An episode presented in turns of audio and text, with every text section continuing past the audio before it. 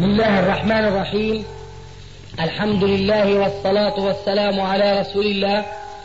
أما بعد فهذا أحد أشريطة سلسلة الهدى والنور من الدروس العلمية والفتاوى الشرعية لشيخنا محمد ناصر الدين الألباني حفظه الله. نسأل الله أن ينفع به الجميع. والآن مع شريط 14 على واحد. من جيبه ثم يشعل سيجارة هل أي مدى تؤثر هذه النصيحة؟ إن نصيحته لا تغادر المقعد الذي يقعد عليه. فاتقوا الله عباد الله لا يصيبنكم قول الله سبحانه وتعالى يا أيها الذين آمنوا لم تقولون ما لا تفعلون؟ كبر مقتا عند الله أن تقولوا ما لا تفعلون. وهذه هي مصيبة المسلمين اليوم.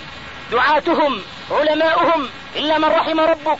وقليل ما هم أنهم لا يتخلقون بأخلاق النبي صلى الله عليه وسلم ولا بأخلاق صحابته رضي الله عنهم. يريد أحدهم أن يقفز من الأرض إلى القمة قفزة واحدة في العلم. يتلقون العلم من غير عمل يتلقون العلم من غير تربية. يظنون أن العلم أن العلم إنما هو جمع للمعلومات.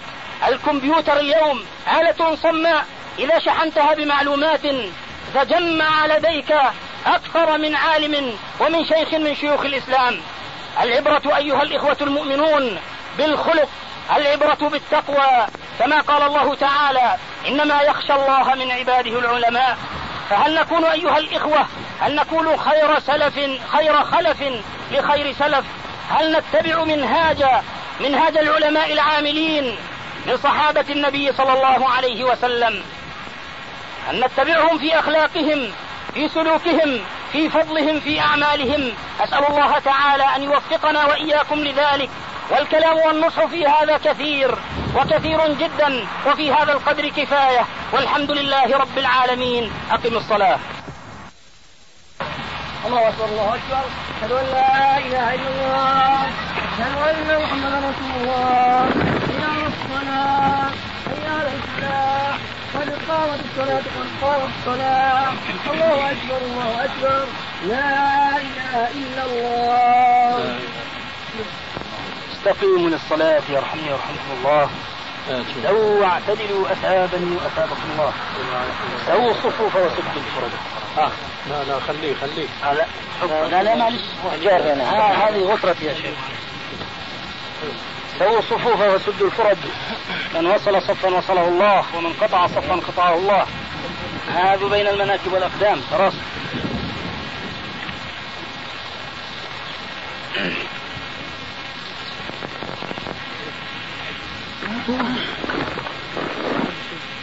شيخنا بالنسبة للصلاة الإمام بالنعل أحد الإخوة يسأل هل يعني يجب علينا أن نتابعه؟ لا. من كان متناعلا فليبقى. يصلي معه. الله أكبر. الله.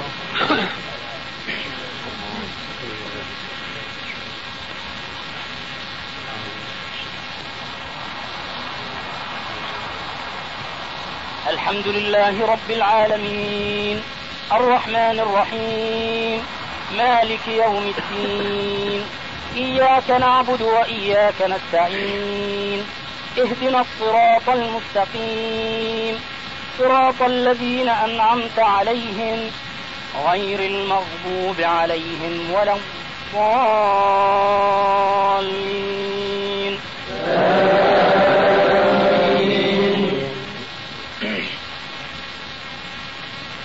سبح اسم ربك الأعلى الذي خلق فسوى والذي قدر فهدى والذي أخرج المرعى فجعله غثاء أحوى. سنقرئك فلا تنسى إلا ما شاء الله. إنه يعلم الجهر وما يخفى ونيسرك لليسرى. فذكر إن نفعت الذكرى سيذكر من يخشى ويتجنبها الأشقى الذي يصلى النار الكبرى ثم لا يموت فيها ولا يحيا. قد أفلح من تزكى وذكر اسم ربه فصلى. بل تؤثرون الحياة الدنيا. والآخرة خير وأبقى. إن هذا لفي الصحف الأولى صحف إبراهيم وموسى. الله أكبر.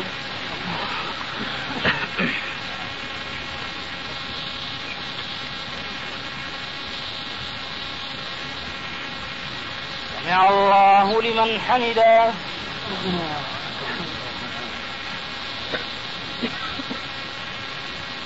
الله أكبر. الله.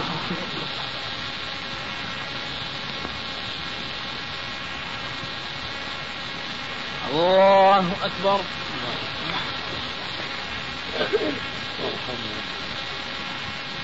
الله أكبر.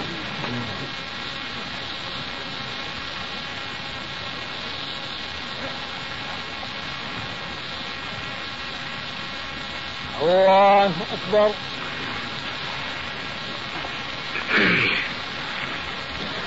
الحمد لله رب العالمين. الرحمن الرحيم. مالك يوم الدين. إياك نعبد وإياك نستعين. اهدنا الصراط المستقيم. صراط الذين أنعمت عليهم. غير المغضوب عليهم ولا الضالين. هل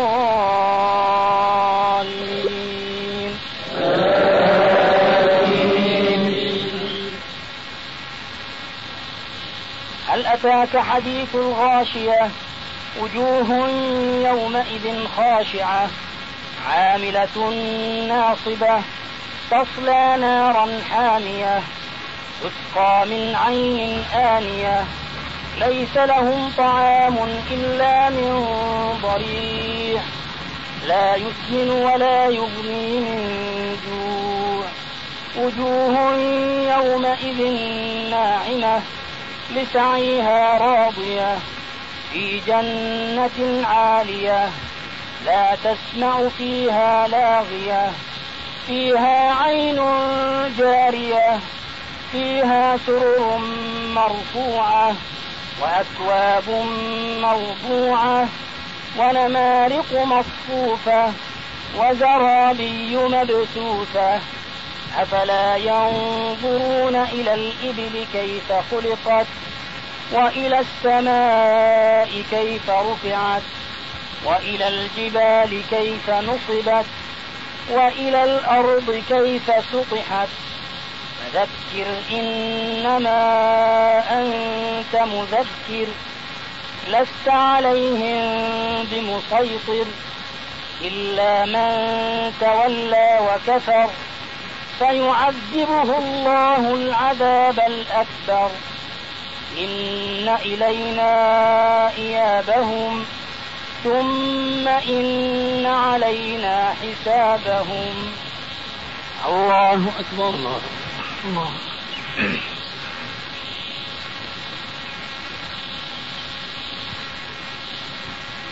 سمع الله لمن حمده.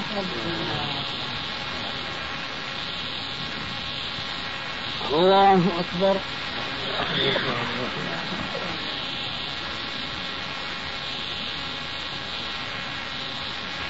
الله أكبر.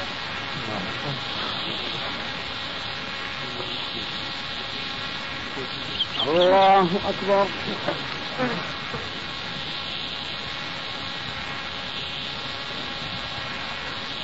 الله أكبر.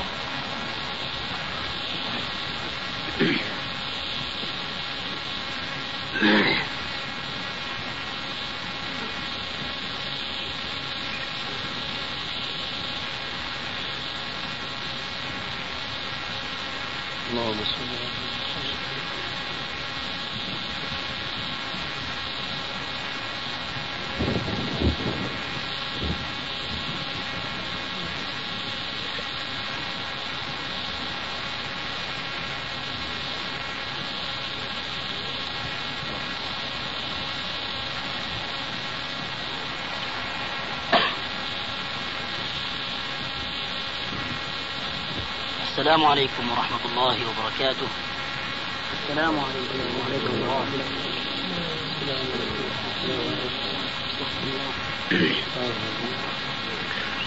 وبركاته.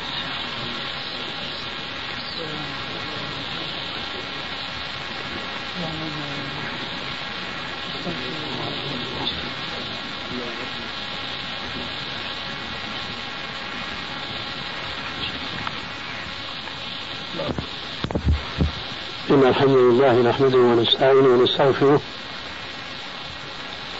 ونعوذ بالله من شرور أنفسنا ومن سيئات أعمالنا. من يهده الله فلا مضل له ومن يضلل فلا هادي له وأشهد أن لا إله إلا الله وحده لا شريك له وأشهد أن محمدا عبده ورسوله. أما بعد كلمتي الآن حول حديثين اثنين جاء ذكرهما في خطبة أخينا أبو أنس جزاه الله عليها خيرا. وتوضيحا لنقطة أخرى تطرق إليها ناصحا من الجماعات الإسلامية من الجماعات الإسلامية أن يجتمعوا ويتوحدوا. وقد أصاب ووفق في ذلك. ولكن الأمر يحتاج إلى شيء من التوضيح. أما الحديثان المشار إليهما فهو أولهما الحديث الصحيح. المؤمن للمؤمن كالبنيان. لفظة المرصوص لا أصل له في الحديث. الحديث الوارد في الصحيحين وكتب السنة كلها هو بدون لفظة المرصوص. المؤمن للمؤمن كالبنيان يشد بعضه بعضا. فهذا وجب التنبيه عليه لسببين اثنين. السبب الأول أن هو يعز علينا جميعا بطبيعة الحال أن يقع في مثل هذا الخطأ أحد من إخواننا. والشيء الآخر أن هذا خطأ عام شامل لجميع طلاب العلم وكتاب العلم إلا من عصم الله وقليل ما هم.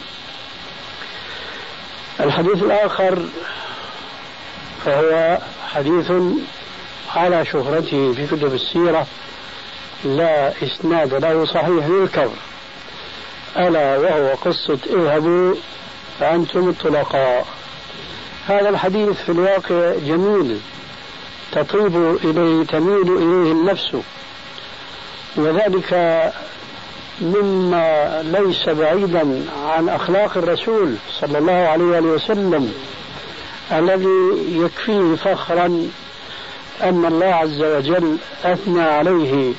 وسجل ذلك في كتابه إلى أبد الدهر وذلك قوله عز وجل وإنك لعلى خلق عظيم. فمهما روي منسوبا إلى النبي صلى الله عليه وسلم مما يتعلق بمكارم أخلاقه فذلك قل من جل. ولكن هذا شيء وأن يقال على النبي صلى الله عليه وسلم ما لم يصح فذاك شيء آخر.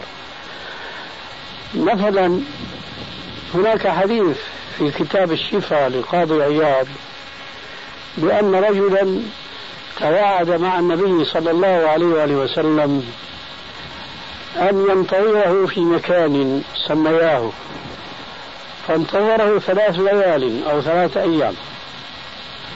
لم يحد الرسول ذلك المكان. حتى جاء قال له شققت علي أنا منذ ثلاث أيام بانتظارك هنا.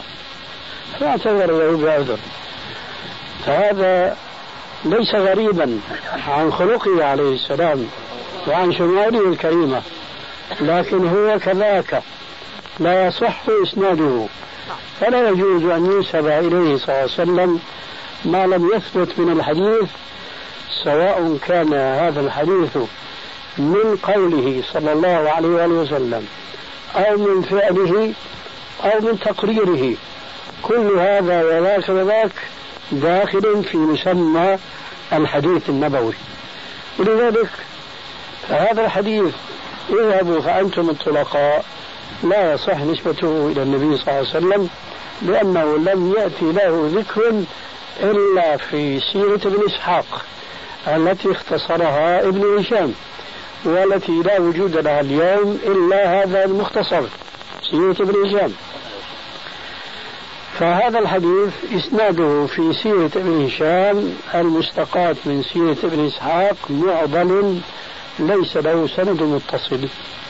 فإن ذكرت هذه القصة وهذه المنقبة لنبينا صلى الله عليه وسلم كرواية تذكر مقرونة ببيان وضعها. وكما قلت لكم ذلك قليل من مكارم وشمائل الرسول عليه السلام لكن الأمر له علاقة بالرواية عن الرسول صلى الله عليه وسلم ولذلك فلا ينبغي أن يروى عنه إلا ما صحت نسبته إليه.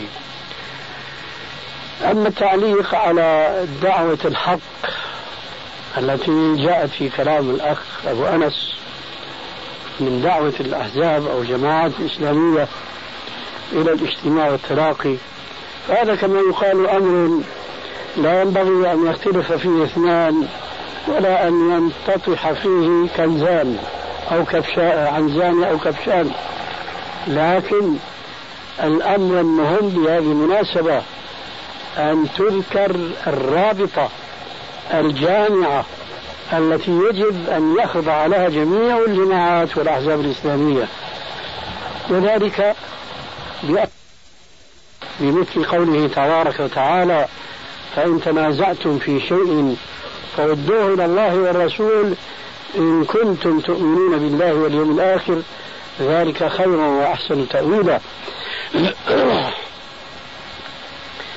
فمن الواجب حينما ندعو إلى الاتحاد وإلى نبذ الافتراق والشقاق أن نقيد ذلك بأن نتلاقى جميعا على منهج واحد لا اختلاف فيه ألا وهو كتاب الله وسنة رسول الله صلى الله عليه وسلم اللذين كتاب السنة ربط رسولنا صلوات الله وسلامه بهما سعادة الدنيا والآخرة والإهتداء إلى ما في ما في ذلك من الحياة للأمة الإسلامية في الحديث المعروف ألا وهو قوله صلى الله عليه وسلم تركت فيكم أمرين لن تضلوا ما إن تمسكتم بهما كتاب الله وسنتي ولن يتفرقا حتى يرد علي الحوض.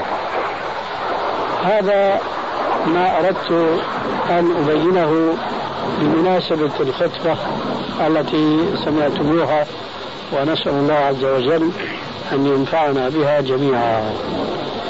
بقيت هناك مسألة طلب مني بيانها قبيل الصلاة وهي كيف نتمكن من معرفة سمت القبلة ووجهتها حينما نكون في العراء أو في الصحراء ليس هناك مسجد وجد في في ذلك المكان. وقد يوجد المسجد ويكون قبلته منحرفة عن بيت الله بيت الله الحرام. فما هي الطرق؟ ما هي الوسائل؟ تعلمون جميعا أن ما يعرف اليوم بالبوصلة وتعرف في زمن الأتراك حتى في البلاد العربية بقبلة نامة. اسم أجنبي طبعا عن العربية وهو ترجمته الدالة عن القبلة. قبل أن توجد هذه الآلة كيف كان يعرف المسلمون الأولون وهم مسافرون ما بين مكة والمدينة والطرق متعرية بهم بلا شك؟ وما بين المدينة وتبوك مثلا في غزوة تبوك؟ كيف كانوا يعرفون اتجاه القبلة؟ في تلك الصحارى والأرض القفر ذلك يمكن بسهولة لمن كانت له عناية بأن يتعرف على معرفة وسائل الاهتداء إلى القبلة. مما لا شك فيه أن ذلك يختلف باختلاف مواقع البلاد التي نحن نكون فيها. فمثلا خروجهم من المدينة إلى تبوك. من الواضح لدى هؤلاء الناس جميعا أنهم خرجوا آه، شمالا. لكن لما ذهب الدعاة الإسلاميون إلى اليمن مثلا كمعاذ بن جبل وعلي بن أبي طالب وأبي موسى الأشعري فهم يذهبون جنوبا. فيختلف حينئذ معرفة القبلة بين الذي توجه شمالا وبين الذي توجه جنوبا. كما أنه يختلف الأمر بين الذي ذهب شرقا وبين الذي ذهب غربا. ومعنى هذا أن المسلم يجب أن يعرف بفطرته أو بعلمه الجهات الأربعة. يجب أن يعرف الشرق والغرب والشمال والجنوب.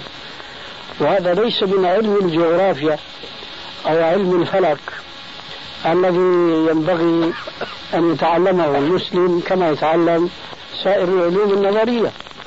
هذه معرفة الجهات أمر فطري يشترك في معرفته القارئ والأمي لأنه يرى الشمس تشرق من هنا وتغرب من هنا وحينما تشرق يراها تميل إلى الجنوب وليست تميل إلى الشمال ثم يراها أن ميلانها إلى الجنوب يختلف باختلاف الفصول.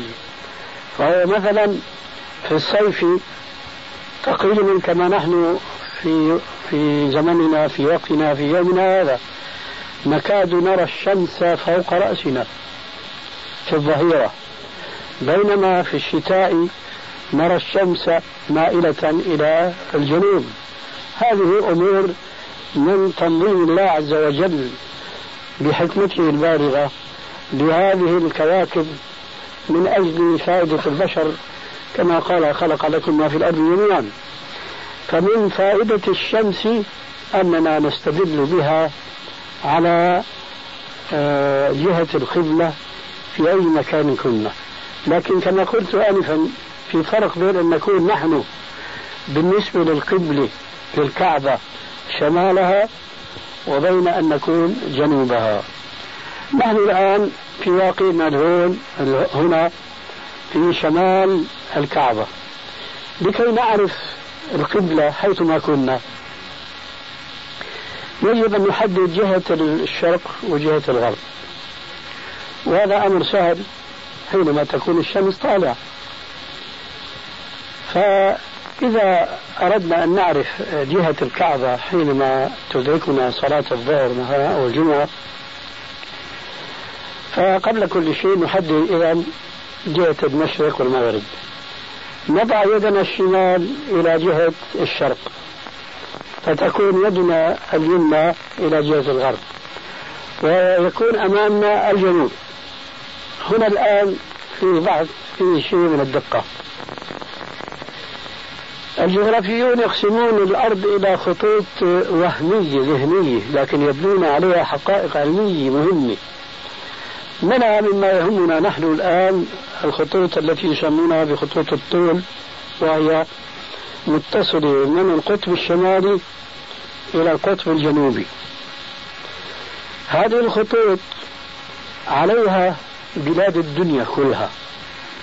نفترض الآن أن الخط الوهمي المستقيم من القطب الشمالي إلى القطب الجنوبي يمر خطنا بخطوط بلا شك في المسجد الحرام في مكة. فالذين يقعون في هذا الخط شمالا وجنوبا الذين هم شمال البيت الله الحرام يستقبلون الكعبة مباشرة دون أن ينحرفوا يمينا أو يسارا. لأن المفروض الآن أن البلد التي نحن فيها هي بنفس خط الطول الذي تقع فيه المسجد يقع فيه المسجد الحرام أو مكة. وعلى العكس من كان جنوب مكة فهو يستقبل الآن الشمال لأنه القبلة أو الكعبة شمالية. هذا أمر واضح لكن الفرق الآن أن هذا خط الطول الذي أخيله لكم يمشي أمامي ومن خلفي. لكن قد تكون الكعبة بالنسبة لبعض البلاد يمينا أو يسارا. هنا يحتاج الأمر إلى شيء مما يتعلق بعلم الجغرافيا. يعني بأن تعرف أنه بلدك في أي خط واقع أنا أضرب لكم مثلا الآن واضحا جدا. نحن هنا في عمان العراق بالنسبة إلينا يقع شرقينا.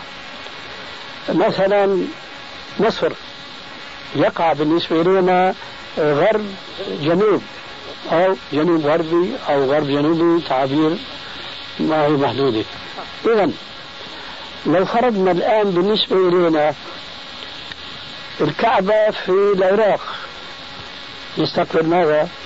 الشرق. الكعبة في مصر نستقبل ماذا؟ جنوب الغربي وهكذا.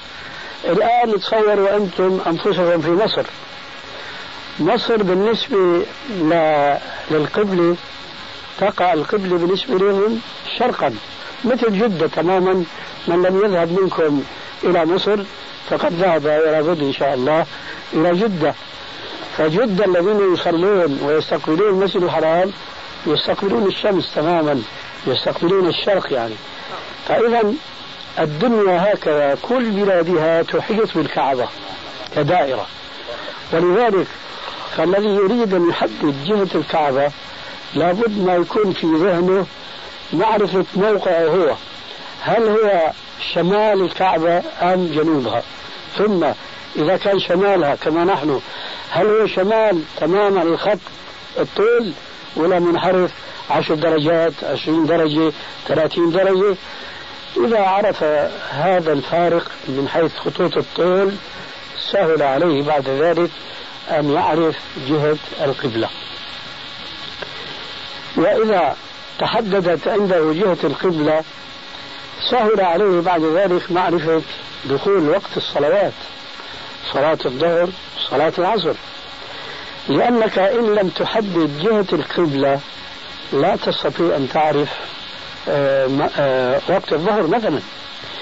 لأن وقت الظهر كما هو معروف في كتب الفقه هو إذا زالت الشمس عن وسط السماء. لكن وسط السماء زوال الشمس يختلف باختلاف المواد التي أنت فيها. زوال الشمس وأنت في اليمن غير زوال الشمس وأنت في مصر وأنت في العراق وأنت ها هنا. فهنا حينما تزول الشمس يجب أن تكون قد راقبت طلوع الشمس وارتفاعها. حينما تلاحظ ارتفاع الشمس تلاحظ أن ظل الشيء يتناقص ويتناقص ويتناقص.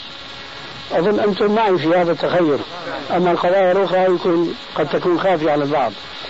فحينما يظل هذا الظل ظل الشاخص يتناقص ويتناقص فإذا رأيته وقف تناقصه ولو لحظات فهذا ما يعرف عند الفقهاء بوقت الكراهة أي قبل الزوال. فلا يجوز في هذه اللحظة الصلاة. لأنها وقت تسعر فيه جهنم كما جاء في الحديث. فإذا رأيت هذا الظل قد بدأ يطوله فهذا معنى دخول وقت الظهر. لكنك إذا لم تحدد الجهة في المشرق والمغرب ما تعرف أن هذا وقت وقت الطول هو هذا وقت الزوال ولا ليس كذلك. هذا وقت الظهر إذا نعرفه بعد أن استمر ظل الشيء يتقاصر ويتقاصر حتى يقف لا تشوفه طال ولا قصر.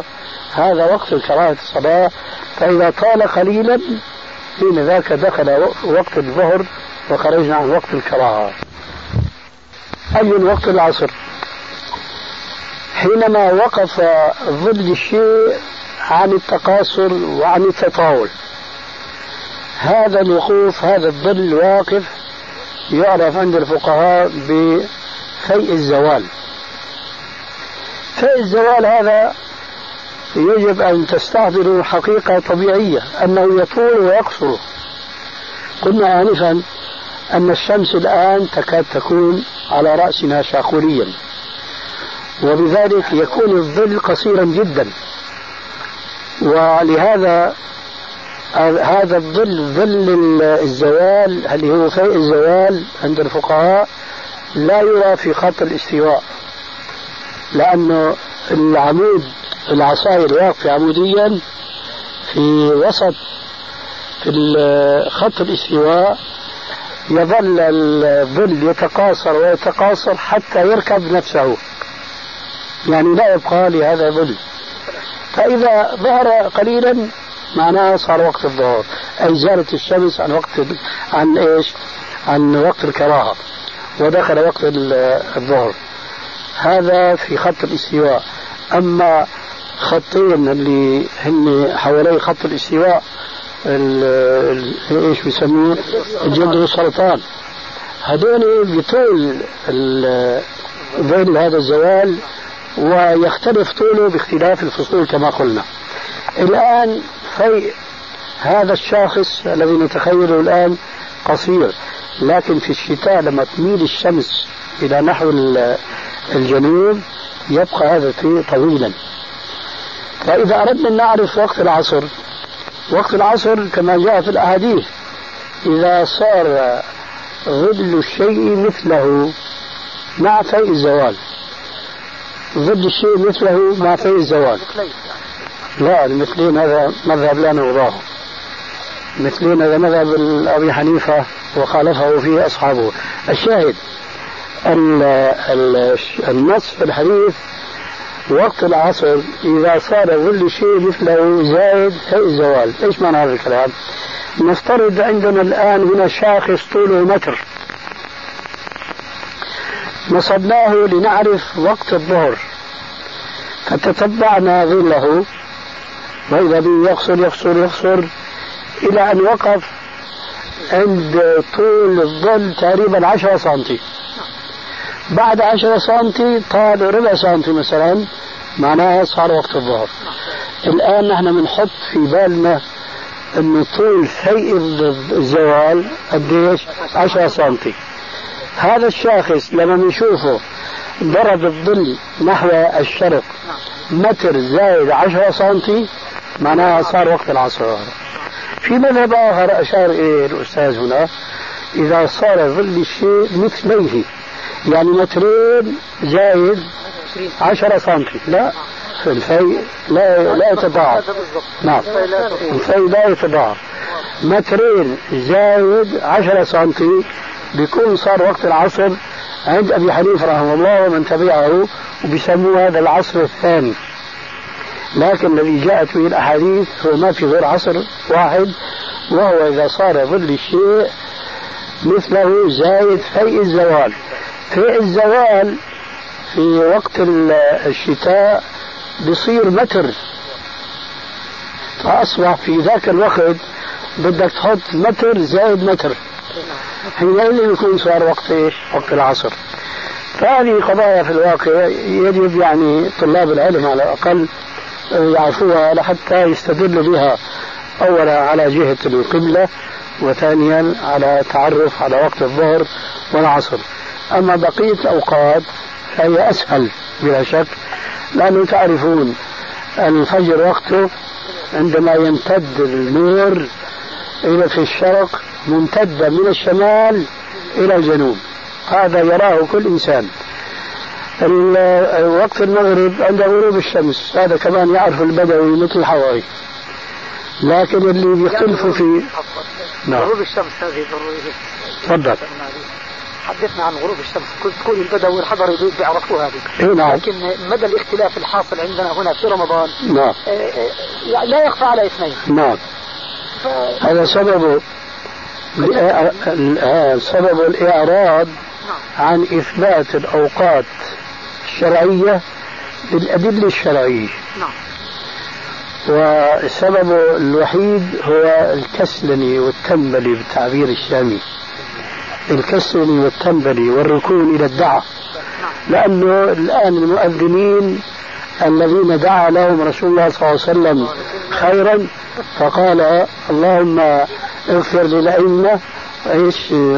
اللهم وارشد الأئمة. أي نعم. اللهم اغفر للمؤذنين هؤلاء أصبحوا كسائر الموظفين في الدولة.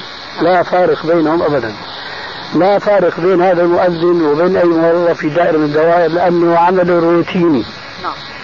فهو ما بيأذن إذا رأى الشمس قد غربت. وإنما يؤذن على المفكرة. والمفكرة قد ثبت لدينا أنها غير صالحة. لأنها وضعت في بلاد ثم نقلت إلى بلاد أخرى.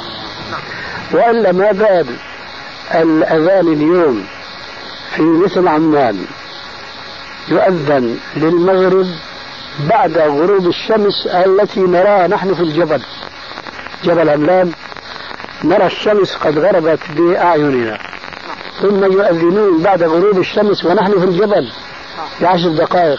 ماذا نقول عن من في الوادي في وسط عمان؟ هذول تغرب الشمس عنهم قبلنا بعشر دقائق أخرى. مع ذلك تجد مؤذنين يؤذنون في المسجد الحسين الكبير. ما أعلى مسجد هنا وأعلى مسجد يؤذن بعد غروب الشمس بعشر دقائق. السبب أننا أهملنا تطبيق الأحكام الشرعية. بالتالي يأتي اختلاف في وقت آه، العشاء وقت العشاء كما في الأحاديث الصحيحة عند غروب الشفق الأحمر. ونحن نرى أيضا بأم عيننا غروب الشفق الأحمر قبل مضي ساعة من من من من غروب الشمس. وهنا يؤذنون بعد غروب الشمس بنحو ساعة وثلث تقريبا. أي نعم. فمعرفة هذه الأوقات وأدلتها الشرعية أمر مهم جدا حتى ما يقع الإنسان في مخالفة قد تؤدي أحيانا إلى إبطال العبادة مثلا الذين يؤذنون الفجر قبل طلوع الفجر الصادق على أقل بعشرين دقيقة. فقد يصلون وإن كنا الحمد لله لاحظنا بعض التعديلات في بعض المساجد. لا يدخلون في صلاة الفجر إلا بعد طلوع الفجر الصادق تماما. نسمع نحن الإقامة في الدار وبالكاد نرى الفجر طلع أو ما طلع. الإقامة معنى ذلك أنهم صلوا سنة قبل وقتها يقينا. خاصة الناس المتعبدين اللي بيجوا مبكرين. مجرد ما بيسمع الأذان يكونوا في المسجد. فمعناها أنهم يصلون السنة قبل وقتها. على ذلك بعض الشرع والبعض. نحن حريصين نكون فريضتهم إيه؟ صحيحة. لكن لماذا لا تكون أيضا نافلتهم صحيحة كالفريضة؟ يحتاج إلى مراقبة. لكن هذه المراقبة يجب الدولة عليها أن تراقب الأمر ثم تفرض على الموظفين عندها كالمؤذنين والأئمة أن يؤذنوا على الأذان الشرعي. وهذا معناه أن ما يصلح لعمان مدينة عمان في وسطها لا يصلح لمن في أعلاها. لأن كل منطقة لها شروقها ولها غروبها ولها فجرها ولها مغربها وعشاؤها وهكذا. فهذا هو السبب في كون الناس اليوم يختلفون في أذان المغرب متى؟ لأنهم لا يراقبون الوسيلة الشرعية التي جعلها الله عز وجل وسيلة لمعرفة الأوقات الشرعية سواء من الفجر أو غيرها كالمغرب. نعم. بس الشيخ اذا غم عليهم ما في شمس لاحظ مقبرة ما في ناس تسالهم عادة في القبر في الغرب شغله ثانية عادة بالنسبة للشتاء الأقصان الجهة الجنوبية بتكون أطول. زي ما تفضلت أنت تقول إن الشمس تكون مايله لجهه الجنوب فتعرضها للشمس بيعطيها طول أطول من ال... نعم. بعدين فرضا يلاحظ أنه يخرج القمر بدرا من كل شهر من جهة الشرق. فهذه ممكن إذا تطلع فرضا شايف 14 شهر كذا في طريقة غير وما هي وسط الساعة هذه بس يمكن بدها شرح يمكن ما لا طبعا الساعة ما هي صحيحة. ما يناسب طبعا الساعة. جربت يعني؟ قضية تحولها يعني. ما هي؟ كيف يعني؟ ما أعرف يعني. ما أعرف كيف توجه ما هذه ما هذه ما لا مش علمية أبو بدليل إنه 12 اليوم تساوي 11 امس بعدين ال 11 الثابتة تختلف باختلاف الفصول أيضا لأنه هلأ أنت تعرف إنه الدور مش دائما بيأذن الساعة 11 ونص التوقيت القديم وإنما بتأخر أحيانا بصير 11 12 إلا ثلث صح هلا واحد إلا ثلث هذا مو ثابت. ولذلك هي قضية الساعة هذا وهم في الناس. لكن الأشياء التي ذكرتها أشياء يعني علمية وجميلة جدا. بس لعلك تقصد لعلك تقصد شغلة ثانية آه. هي عملية توجيه الساعة نحو الشمس. لا هذا إيش؟ هذا عشان هيك قلت لك كيف هات نشوف انه عادة لو وجهت عقرب الساعات نحو قرص الشمس وصلنا محكوم المائلي طبعا هذا هو اللي, اللي عرف إذا عرف ان الشمس تخرج من هنا خلاص. عرف تحدد جهة الأرض هو شرق لا لا تحيط عن الساعة.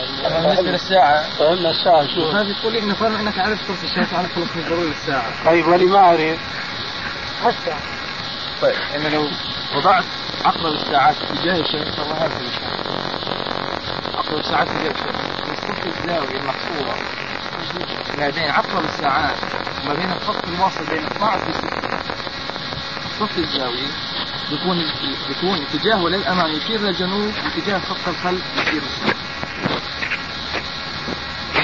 ولو اختلفت الساعة هذا تقريبي لو اختلفت من 12 للتوقيت الجديد هذا تختلف درجات. آه. ما يختلف كليا أيوه. الشرق يصير محل الغرب أو الجنوب محل الشرق هذا كلام سليم مفهوم. هي طريقة طيب. عسكرية هذه. آه. قانونية يعني طيب. جربت أنا. كويس آه، الآن طيب. في الأرض. تمام. آه، نفهمها. التوتر الساعة اخبارهم هيك لا الساعة صغيرة. تعال هنا. الساعة صغيرة تعال هنا. خذ هيا خذ خذ خذ يا خذ. خذ يا أخوي.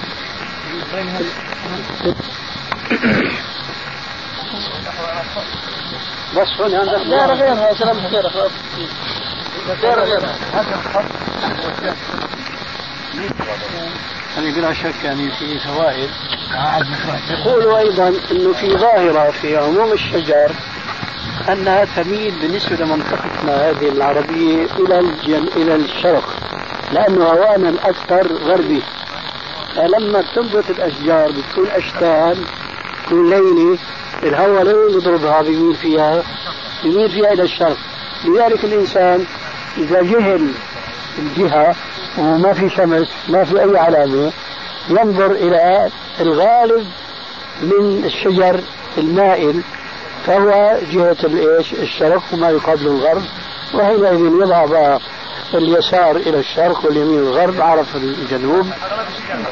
نعم. هو هي طبيعة يعني؟ هيك نعم. بنسمع بعض الإخوة. إذا في شمس رمضان نسمع بعض الاخوه يعني إذا أذن الفجر ونحن متاخر عليه فعند اذان الفجر يقول لك لك ربع ساعة بعد هذا الصلاة صلاة الفجر الأذان الثاني فهذا صحيح ولا يعني كل شيء هل تعني أنت بالأذان الأذان الشرعي ولا الأذان الواقعي؟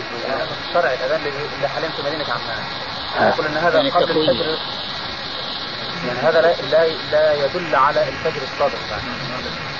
هذا هذا الكلام جواب ماذا؟ عافاك الله منه. أنت سألت سؤالا.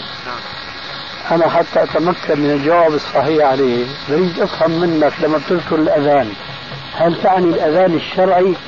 أم تعني الأذان الواقعي اليوم؟ الأذان الواقعي يعني درس هو في المساجد الغير شرعي يعني. طيب ما انتهى الكلام فيه. وقلنا أنه الأذان اليوم يأذنوا لا أقل قبل الوقت بثلث ساعة. هذا تكلمنا عنه. أحيانا في فرق نصف ساعة.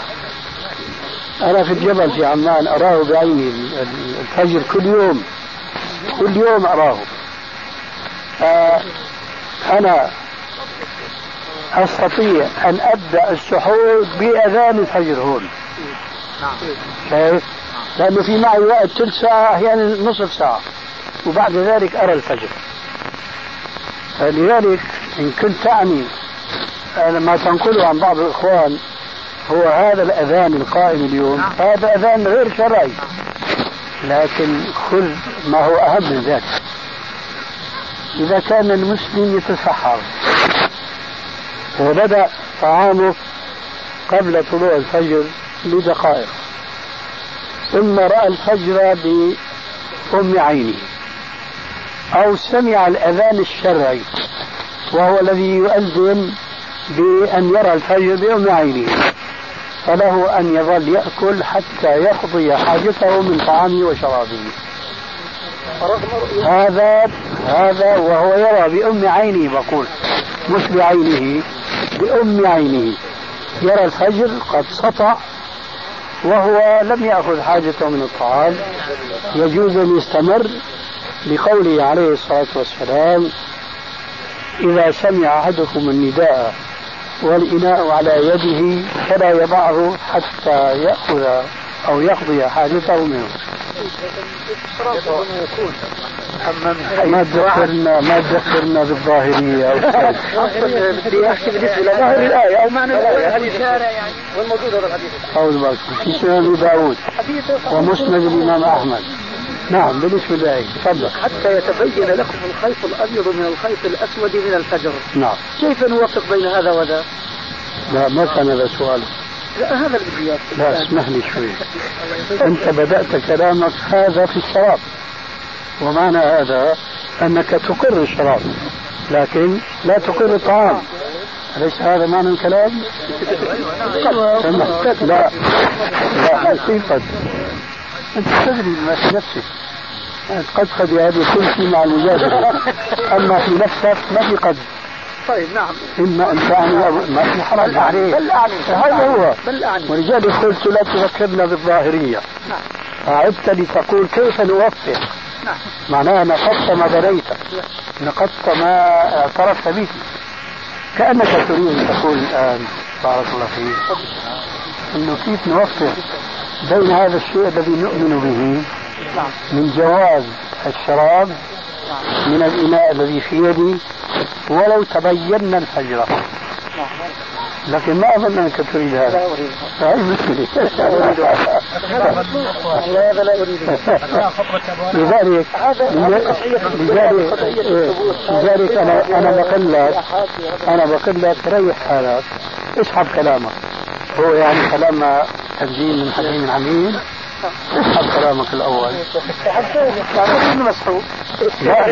ليش أعتبره مسحوب؟ ليش أعتبره مسحوب هو مسحوب يا جماعة. لكن اسحبه أنت. حتى نقول الله انسحب خلاص.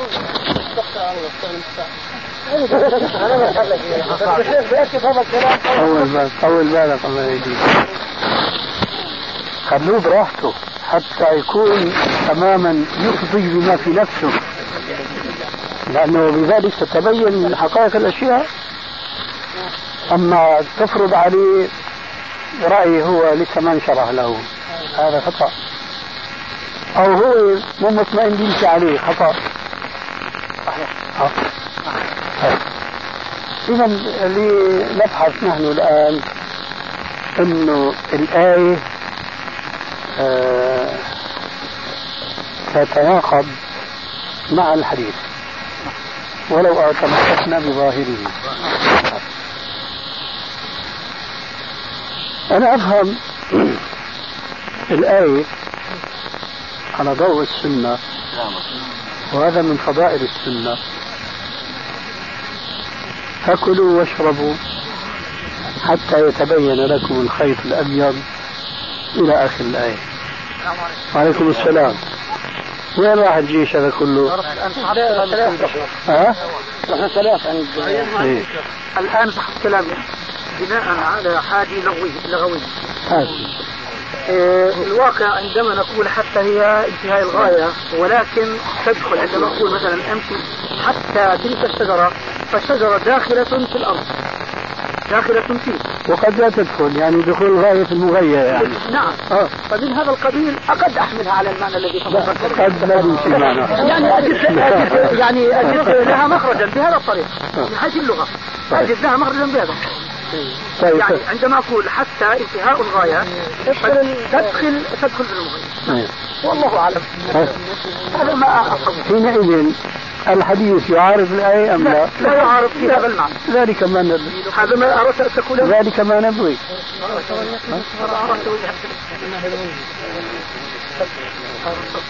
تفضل نعم. مين كان بده هناك؟ نعمان. شو بدك تقول؟ نعم. أنا كنت بقول يا غلام اغلق الباب لا يخالف الحكم اي نعم. هذا يؤكد كلامه اي نعم. أنت شو بدك تقول؟ أنا بدي قول هاي آه جزاك الله خير. لأني أعلم إنه أنت تحسن يعني. أي نعم. تعلمت من الهنود. ثلاث سنين ونص. من الهنود ما هي؟ مرة مرة واحدة. من الهنود آه، من الهنود. الأكثرين مرة واحدة. يا المشايخ الصدريين والله. ما هو مشايخنا مش راضيين. مش راضيين مشايخنا ندللهم زي كنا ندلل. آه، شيخ مشايخ الكراجات. وفي عنده مسألة يسأله مدة يعني بده تفصيل فيها. بده تفصيل. تفسير تفصيل. تفصيل. أي نعم. آه. أنا سمعت من إخواننا فلسه يعني ما سمع. أو ما شرح صدره لهذا ال- ال- الكلام. أيوه. يريد أن يعرف متى يعني باختصر الطرق واسهل الشيء. متى يخرج المسلم من الإسلام؟ متى يخرج المسلم من الإسلام؟ متى يكفر يعني؟ متى يكفر؟ أي نعم هل كان عاقب بالكفر؟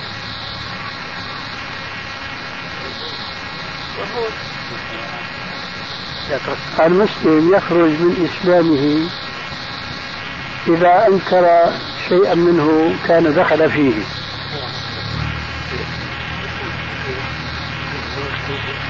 مفهوم هذا الكلام؟ إذا أنكر إذا جحد شيئا يتبناه في إسلامه وفي دينه وهو يعرف ذلك. فأنكره بقلبه وليس بلسانه فهو مرتد عن دينه.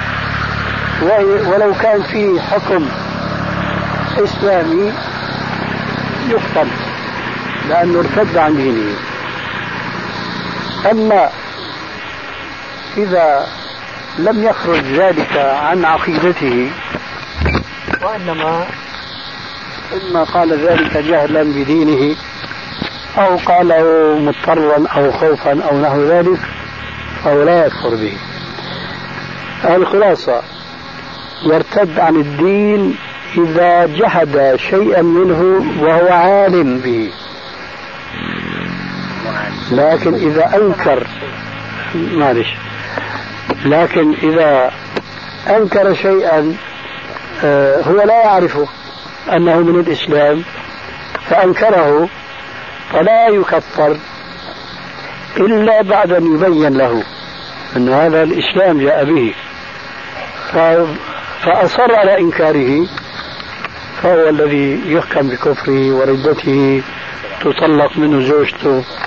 وإذا مات لا يدفن في مقابر المسلمين يعني ترتب أحكام أهل الردة أما الشيء الذي ينكره ويكفر بإنكاره إياه فهو ما يسميه أو يعبر عنه العلماء الفقهاء إذا كان معلوما من الدين بالضرورة شو معنى هذا الكلام؟ أكثر الناس اليوم ما بيعرفوا أن الدخان شربه حرام. لكن كل المسلمين حتى النصارى بيعرفوا عن الإسلام أن شرب الخمر حرام في الإسلام. وعليكم السلام ورحمة الله وبركاته. فإذا مسلم ما قال الخمر مو حرام. هذا بيرتد عن دينه. ليه؟ لأنه لا يتصور أنه يجهل أن دينه اللي هو يعتقده ويؤمن به لا يتصور فيه أنه يجهل أن الإسلام يحرمه. بل هو يقينا يعلم أن الخمر حرام لكن هو أبى هذا الحكم في الإسلام ففي مثل إنكاره لهذا الحكم يكفر. هذا بيسموه عن بيسموه الفقهاء معلوم من الدين بالضرورة. بمعنى مجرد كون المسلم مسلما يعلم هذا الحكم. بينما هناك أحكام فيها دقة متناهية ما بيعرفها إلا أهل العلم بل ربما إلا خواص أهل العلم. لكن شرب الدخان يكون حرام. المسلمين كلهم بيعرفوا إنه حرام مثل الخمر فلو قال الدخان يا أخي أنا بدي أشربه ومو حرام. ما بيكفر. لأنه ما أنكر شيء معلوم من الدين بالضرورة. ومن صفات المعلوم من الدين بالضرورة أنه يكون مذكور إما في القرآن الكريم أو في السنة المتواترة المتلقاة عند علماء المسلمين جميعا بالقبول. فإذا أنكر حكما مختلفا فيه فلا يكفر به وإنما يخطى إذا كان مخالفا للدليل. هذا ما عندي جوابا على ذاك السؤال ولعله وضع عندك وزال الإشكال ولا بعد في غموض لو أقمنا عليه الحجة والدليل هل نصلي خلفه أو نقول أنه قد كفر؟ مين اللي بده يقيم الدليل؟ زيد وبكر وعمر ولا أهل العلم؟ الأحاديث ما بتحكي الأحاديث ما بتحكي. إذا كانوا أهل العلم وأهل العلم بالكتاب والسنة جابوا هذا الرجل وبينوا له أنك أنت بتخالف صريح القرآن وبتخالف صريح السنة وبتخالف إجماع المسلمين لأن هذا العالم قد يبين له الحجة والدليل فعلا لكن مو هذا الأمي اللي أنكر هذا الشيء علماء كبار. أنكروا هذا الشيء اللي عم يقيم الدليل على صوته؟ فما بكفي إقامة الدليل بالنسبة لوجهة نظر العالم وإنما بالنسبة لوجهة نظر كل علماء المسلمين متفقين معه على هذا. ومع ذلك تم راكب رأسه ومتبع هواه. هذا يكفر وإلا فلا سبيل إلى تكفيره شو بدك تقول؟ نعم. وإن كان يعني جهل يعني يجهل حكم يعني يجهل الأحاديث ويجهل الآيات هو البحث في هذا طبعا شو البحث في ماذا؟ في من يعرف؟ من لا يعرف نعم نتج عن هذا البحث إنه رجل أنكر حديث عن النبي عليه الصلاة والسلام وهو لا يعتقد صحة هذا الحديث ما حكمه؟ حكمه يصلي لا ما حكمه هو مسلم. يصلي؟ يصلي. طيب فهو مسلم لكن يعود البحث السابق. البحث السابق. هذا طبعا هو أنكر حديث ونفترض إن هذا الحديث صحيح. فإن كان متبعا لهواه فهو ضال. وإن كان متبعا لرجل أفتاه فهو غير ضال. وزر على من أفتاه. أما مثلا الكفر هذا أبدا أعوذ بالله. عندنا مدرس تتمة هذا الجواب في الشريط التالي.